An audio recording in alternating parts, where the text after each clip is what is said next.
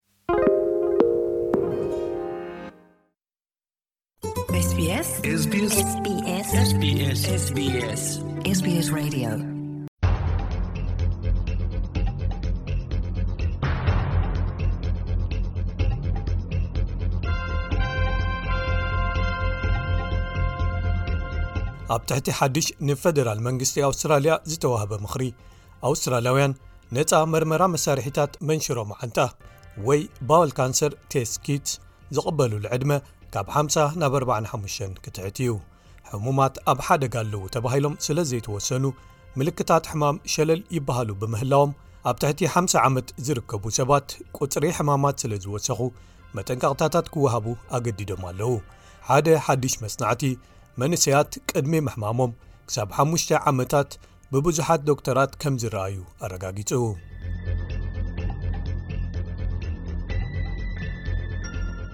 ኣዳም ኪዩቢቶ ልዕሊ ክልተ ዓመት ይገብር መንሽሮ መዓንጣ ከም ዘለዎ ተነጊሩ እዚ ዝተረጋገጸ ግን እዚ ወዲ 38 ዓመት ምስ ዶካትርን ፍሉያት ክኢላታትን ተኽእሎ ናይዚ ሕማም ፈጺሙ ኣብ ዘይተለዓለሎም ሕክምናዊ ቆጸራታት ሸንኮለል ድሕሪ ምባሉ እዩ። ዋላ ሓደ ሰብ እስከ ሲቲ ስካን ጌርና ንመልከቶ ኢሉ ዝሓሰበ ኣይነበረን፣ ወይ ከኣ ኣብ ውሽጢ ዝኾነ ነገር እንተሃልዩ ንምርኣይ ንምንታይ ኮሎኖስኮፒ፣ ብመቐመጫ ዝኣቱ መርኣዪ መሳርሒ፣ ወይ ኢንዶስኮፒ፣ ብኣፍ ዝኣቱ መርኣዪ መሳርሒ፣ ዘይንገብር ዝበለ ኣይነበረን። እቲ ዝስምዖ ዝነበረ ዘየቋርጽ ድኻም ብምኽንያት ሕጽረት ሓጺን ወይ ኣይረን እዩ ተባሂሉ፣ ኣብ ሆስፒታል ከኣ ደቂሱሉ ነይሩ። እቶም መጠናት ሓጺን ናብ ንቡር ብምምላሶም ሕጉሳት ነይሮም። ድሕሪኡ ናብ ሓደ ክኢላ መኣዛታት መግቢ ወይ ዳያቲሻን ተመሓላሊፈ፣ ንሱ ኸኣ ሕጂ እኹል ሓጺን ስለ ዘለካ ደሓን ክትከውን ኢኻ ኢሉኒ። ገዛ ኺድ ክሳብ ዝከኣለካ ቀይሕ ስጋ ዝተጠብሰ ስጋን ካልኦት ምንጭታት ሓጺንን ብላዕ ምኽንያቱ መጠን ሓጺን ውሒዱካ ስለ ዘሎ ኣብ መግብኻ ጥራይ ክትውስኾ እዩ ዘድልየካ ስለዚ ከምኡ ገይረ ኣብቲ ቻርት ወይ ስእልታት ተቐሚጦም ዘለዉ ሓጺን ዘለዎም መግብታት ኩሎም በሊዐ እዮም ገና ግን ጽቡቕ ኣይተሰማዓንን ሽዑ እዩ ነቲ ሓኪሙ ንምልክታት ካንሰር ወሲኹ ተወሰኽቲ ፍሉያት መርመራታት ከካይድ ዝደፋፍኦ። እቶም ውጽኢታት ናይዚኦም መርመራታት ተላኢኾም ንቡራት ዘይኮኑ ጸኒሖም ድሕሪኡ ሲቲ ስካን ናብ ምግባር ኣምሪሖም ድሕሪኡ ናብ ህጹጽ ምልኣኽ ናብ ኮሎኖስኮፒ ክካየድ ማለት እዩ እዚ ኸኣ እቲ ነቲ ካንሰር ዝረኸቦ እዩ ነይሩ እወ ብመሰረቱ ንነብሰይ ክጣበቐላ ነይሩኒ እቲ ሕማቕ ዝስማዓኒ ዝነበረ ስለ ዝቐጸለ ይመስለኒ እቲ ዝህቡንን ዝገብሩለይን ዝነበሩ ይሰርሕ ኣይነበረን ግን ከኣ ኣነ ይስማዕ ዘየለኹ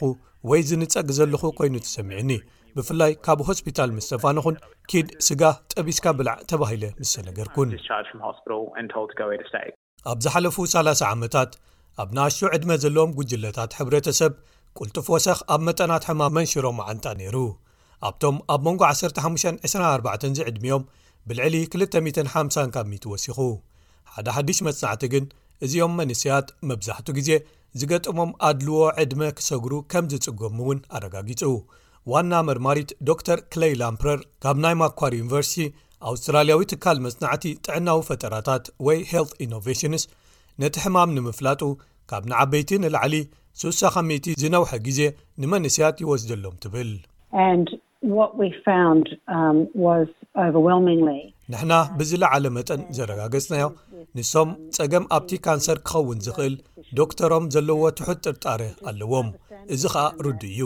ምውሳኽ ቅጽሮም ብዘየገድስ መንሽሮ መዓንጣ ሕጂ እውን ኣብቶም ኣብ ልዕሊ ሓምሳ እዩ ብብዝሒ ዝረአ። እንተኾነ ግን እቲ ቝጽሪ ኣብ ትሕቲ ሓምሳ ይዓቢዩ ዘሎ ሕጂ ኸኣ ካብ ነብሲ ወከፍ ዓሰርተ ሰባት ሓደ በዚ ይሓምም ዶር ላምፕረል ኣብ 990 እንተ ተወሊድኩም መንሽሮ ረጒድ መዓንጣ ከተማዕብሉ ዘለዎ ዕድል ኣብዚ ሕጂ እዋን ካብቶም ኣብ 950 ዝተወልዱ ንላዕሊ ዝነበሩ ዕድላት ድርብ ወይ ዕጽፊ እዮም ትብል ስለዚ እዚ ጸገም ከም ዘሎ እቲ መልእኽቲ ናብቶም ስርዓታት ጥዕና ክሳብ ሕጂ ኣይበጽሐን ዘሎ ይመስል ምልክታት ሕማም ዘለዎም መንስያት ኣብ ዝሕከምሉ እቶም ሓካይም ነቲ መንሽሮ መዓንጣ ከም ተኽእሎ ክኸውን ዘለዎ ኣብ ድሕሪት እዮም ዝሰርዕዎ ኣብዚ ሕጂ እዋን ልዕሊ ሓምሳ ዝዕድሚኦም ኣውስትራላውያን ኣብ ነብሲ ወከፍ ክልተ ዓመት ነፃ መንሽሮ መዓንጣ መመርመሪ ወይ መፍለጢ መሳርሒታት ይለኣኸሎም ወሰኽ ኣብ ቁጽሪ ብዕድመ ንእስ ዝበሉ ሕሙማት እምበኣር እዚ መከታተሊ ወይ መፍለጢ መደብ ኣቐዲሙ ክፍቀድ ወይ ክወሃብ መጸዋዕታታት ክግበሩ ኣገዲዱ ኣሎ ዋና ኣካያዲ መንሽሮ መዓንጣ ኣውስትራልያ ጁልየን ዊግንስ ናብ ክፍሊ ጥዕና ዝቐረቡ ሓርፋፋት መርሓ ሕንጻጻት ወይ ድራፍት ጋይድላይንስ እቲ ገደብ ዕድመ ናብ 45 ክትሕት ምኽሮም ሂቦም ኣለዉ ይብል ንሱ እዚ ኣብ ዝመጹ ዓሰርተ ክልተ ኣዋርሕ ክልወጥ ተስፋ ይገብር። ብርግጽ ኣርባዓን ሓሙሽተን እዩ ትዕድመ ምስ ግዜ ኣነ ምስዞም ዝውስኹ መጠናት ዘመልክቱ ዝቕልቀሉ ዘለዉ መረጋገጺታት ኣብ ኣርባዓ ክዓልብ ኢለ ይጥርጥር ኣርባዓ ክሳብ ኣርባዓን ሸዓተን ንዝበዝሑ ኣብ ትሕቲ ሓምሳታት ዝረኣዩ መንሽሮታት ከስዐ የካትቱ እዚ መንሽሮታት ወይ ካንሰራት ቀዲምና መርሚርና ክንረኽቦ ትርጉም ይህብ ምኽንያቱ ንሕና እዚኦም ኣቐዲሞም ተመርሚሮም እንተ ተፈሊጦም 99 ካብ ሚቲ ካብቶም ሕማማት ዕውት ብዝኾነ ክፍወስ ይኽእሉ ከምኡ ኢና ንሕና ንብል ዘለና ትካል መጽናዕቲ መንሽሮ መዓንቲ ኣውስትራልያ ብተወሳኺ ንምንታይ እዚ ዘሰንብድ ተርዮ የጋጥም ኣሎ ንምፍላጥ ዝያዳ መጽናዕቲ ክካየዱ ይጽውዓ ኣሎ ንምንታይ'ዮም ዝያዳ ብዕድመ ንእስ ዝበሉ ሰባት እቲ ሕማም ይረኣዮም ኣሎ ክንርድኦ ኣብ ምፍታን እንታይ እዩ ዝኸውን ዘሎ ክንርዳእ መታን ክንክእል እቲ ማይክሮባዮም ድዩ እቲ መግቢ ድዩ ወይስ እቲ ዓይነት ህወት ወይ ላይፍ ስታይል ኣብ ትሕቲ ሓምሳ ዝዕድሚኦም ሰባት ጠንቂ መንሽሮ መዓንጣ ክሳብ ሕጂ ኣይተረዳእናዮን ዘለና ድሕሪ ተኸታተልቲ መጥባሕትታትን ቀፃሊ ምምልላሳት ንሕክምናታት ኬሞቴራፒን ኣዳም ኪዩቢቶ ነቲ መልስታት ኣብ ምድላይን ኣብ ምርካብን ጸኒዑ ክምክቶ ዝኸኣለ የመስግን።